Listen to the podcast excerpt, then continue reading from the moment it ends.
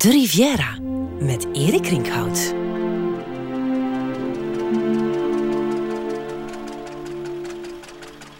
Maurice Materlink en Cyril Buijsen. Het is een mooi verhaal van oude vrienden. En het heeft veel, zo niet alles, met Nis te maken. De Belgische schrijver Maurice Materlink en de drie jaar oudere Vlaamse schrijver Cyril Buijsen hebben elkaar in de winter van 1890 leren kennen toen ze aan het schaatsen waren op de Drongense plassen in de buurt van Gent. En zes jaar later hebben ze allebei België verlaten. Buijsen trok naar Nederland, waar hij de Nederlandse weduwe Nelly Dieserink leerde kennen. Op 1 oktober 1896 trouwden ze. En Materlink trok op zijn beurt naar Frankrijk. Maar al die tijd zijn ze elkaars werk blijven lezen en hielden ze contact. Materlink was de meest rusteloze natuur van de twee. Hij verhuisde heel vaak. Eerst woonde hij in Passy, een voorstad van Parijs, later in Normandië, dan weer in de buurt van Rouen, dan in Grasse en uiteindelijk op twee plaatsen in Nice. Maar voor het zover is, trekken beide heren erop uit. In november 1906 met de auto. Toen een revolutionaire nieuwigheid. Ze vertrekken op een grijze, vochtige novemberdag in Passy en rijden naar het zuiden, waar Maderlink net een huis heeft gekocht. Want hij denkt eraan de Franse hoofdstad voorgoed te verlaten. Het rumoerige Parijs trekt hem niet langer aan. Hij wil alleen nog rust en vrije ruimte, schrijft Buijsen over Materlink. Voortaan wil Materlink de winters doorbrengen in het warme, milde zuiden. Auto's zijn op dat moment nog altijd open. Dieu, zoals Materlink genoemd wordt, is dan ook, ik citeer, van de hals tot de voeten gehuld in een lange grijsbruine mantel en op zijn bruine pet met neergetrokken oorlappen blikkeren de grote ronde glazen van de zwarte bril. Einde citaat. Buissen voegt er nog aan toe: Onze brillen zijn met lappen, die ook als maskers neus, voorhoofd en wangen bedekken. En zo zien wij eruit als twee kobolden of duivels. Materlink een bruine en ik een grijze duivel. En tussen hen in, in die open auto, zit de bruine dog, Gula, die hen vergezelt. David van Rijbroek, die zo'n 15 jaar geleden de tocht opnieuw deed in de bandensporen van de twee schrijvers, valt het op hoe gemoedelijk het er toen aan toe ging. Er werd regelmatig gestopt, men rookte een pijpje en de hond ging achter de konijnen aan. Buizen en Materlink deden er wel vijf dagen over om Gras te bereiken. Dagelijks maalden ze hooguit 200 kilometer af. Toen vond men dat een duivels tempo. Men was dronken van de snelheid. Materlink heeft het over une ivresse roulante. Grappig dat voor hen autorijden een soort snelle vorm van ijsschaatsen was. In 1906 was het doel van de reis de Mas des Quatre Chemins in Gas. Bij aankomst waaien hen de bedwelmende geuren toe van viooltjes, jasmijnen en rozen, want gras, de parfum staat bij uitstek, had de bloementeelt op dat moment nog brood nodig om de essences voor parfums te kunnen produceren. Niet veel later zou het hoofdzakelijk op chemische wijze gebeuren en zouden veel bloemenvelden verdwijnen onder nieuwe verkavelingen. Maar toen, toen was het een wonderland, een van de mooiste streken van de wereld. En Buijsen schrijft... In de gouden schemering wandelden wij rond. Het erf is ongeveer vier hectare groot en ligt verdeeld in trapsgewijs afdalende terrassen op de helling van de berg. Andere hoge bergen omringen het in de verte langs alle kanten. Rondom het huis is de lusttuin. Van daaruit daalt een brede allee naar de diepte. En rechts en links, van terras tot terras, is het één bos van oude, kromme, knoestige olijfbomen, in het malse groene gras vol geurende viooltjes. Dieper liggen de rozenvelden, nog dieper de tuberrozen en jasmijnen. Iets wat opzij, half gedoken achter bomen, staat de boerderij Le Mas van Antonin en Thérisson. Het is overal heerlijk fris en zacht en zalig. Het is een van de verrukkelijkste oorden die ik ooit heb gezien. En nu begrijp ik eerst goed wat Materlink mij voor het vertrekken zei.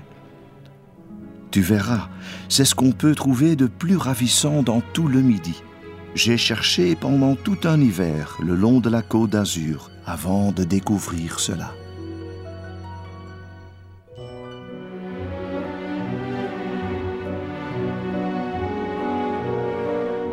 In 1913, zeven jaar later, bezoekt Buisse zijn vriend opnieuw, die nu een riante villa heeft gekocht in Nice. 66 Avenue des Baumettes. Helaas is het prachtige pand intussen vervangen door een banaal appartementsgebouw. Waarom wou Materlink nu per se naar Nice gaan? Wel, de winters en vooral de nachten waren in Gras toch te koud en Materlink kwam sowieso al vaak in Nice, waar zijn stukken in première gingen en hij vaak uit eten ging. Toen de Villa Ibrahim te koop stond, hapte hij toe. Het was een oud klooster dat veertig jaar eerder al eens verbouwd was tot een orientalistisch optrekje. Wij treden binnen. Het is als een paradijstuin. Bloemen, bloemen en nog bloemen. Citroenen en oranjebomen, palmen, olijven en cactussen.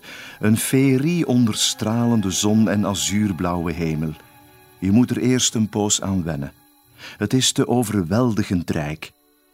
Slechts na een hele tijd zet zich dat vast als een realiteit van pracht. En je kijkt om je heen in het verschiet, naar de vallei, naar de zee, naar de bergen.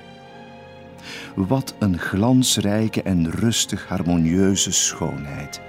Hoe is het mogelijk, op nog geen tien minuten afstand van de rinkelende trams en de woelige zeeboulevard?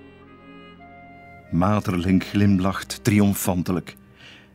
N'est-ce pas la pleine campagne, à deux pas de la vie cosmopolite?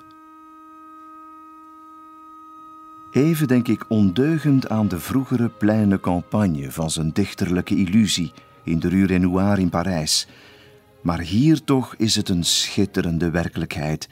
Men zou zich uren verre van het drukke leven wanen.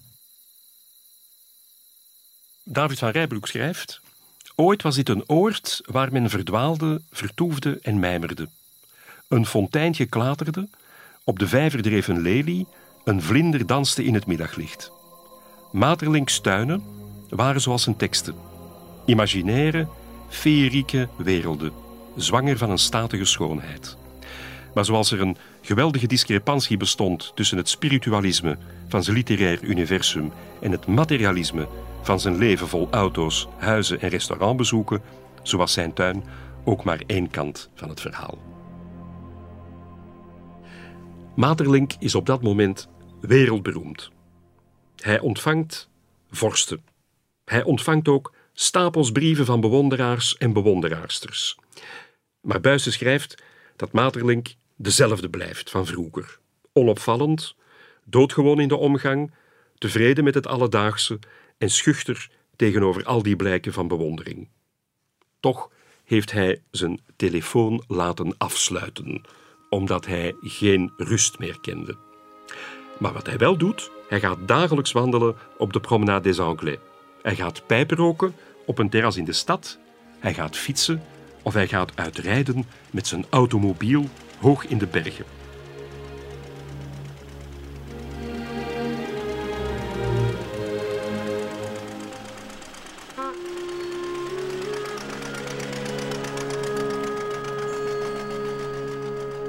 Maderlink had nog een hobby: boksen. Zijn nieuwste liefhebberij op dat moment. En Buizen vertelt dat er een paviljoen is in de tuin dat volhangt met ringen, ballen en een zak met zaagsel die de vijand moet voorstellen.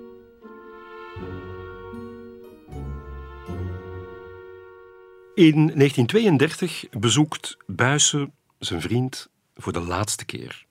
Materlink is weer eens verhuisd. In 1930, twee jaar eerder, kocht hij het Castel Amare, een megalomaan paleis dat het grootste casino van Frankrijk had moeten worden, waardoor geldgebrek onafgewerkt bleef.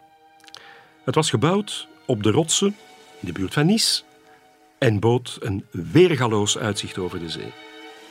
Na drie jaar bouw- en verbouwingswerken kon Materlink erin trekken, op zijn 71ste, samen met zijn 30 jaar jongere verovering uit Nice, de actrice Renée Daron, die hij tijdens de repetities van zijn toneelstuk L'Oiseau Bleu had leren kennen.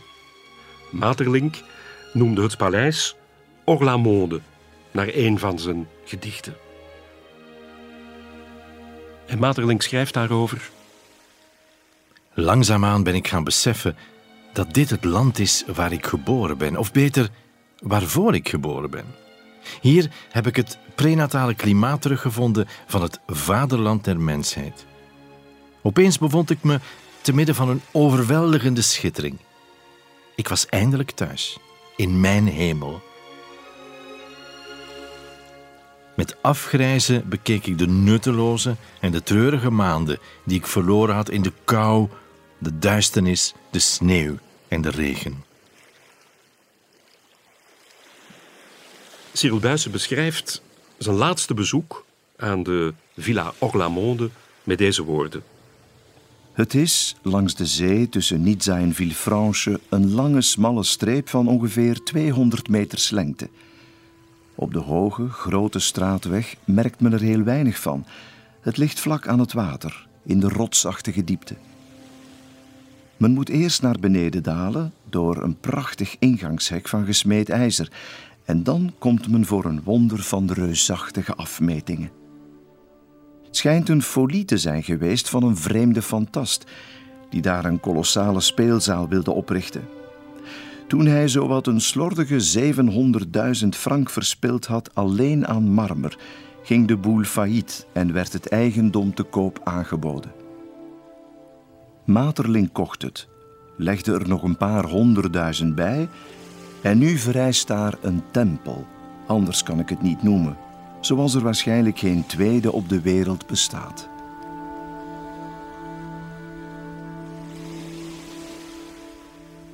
Materlink overleed in dat droompaleis op 6 mei 1949. Zijn weduwe vond dat alles onaangeroerd moest blijven. Orlamonde werd op die manier een heus mausoleum. Twintig jaar later overleed madame Materlink na een verkeersongeval in Brussel. De hele inboedel, de manuscripten en de boeken werden geveild. Jarenlang heeft het pand leeg gestaan. Er zijn plannen geweest om Orlamonde tot luxe appartementen om te bouwen, maar sinds enige tijd is het een somptueus vijfsterrenhotel. De as van Materlink en van zijn vrouw zijn in een muurtje ingemetseld. Volgens David van Rijbroek in een minuscuul perkje aan de Bas Corniche waar het verkeer voorbij raast. Waardig en rustig kun je de plek bezwaarlijk noemen.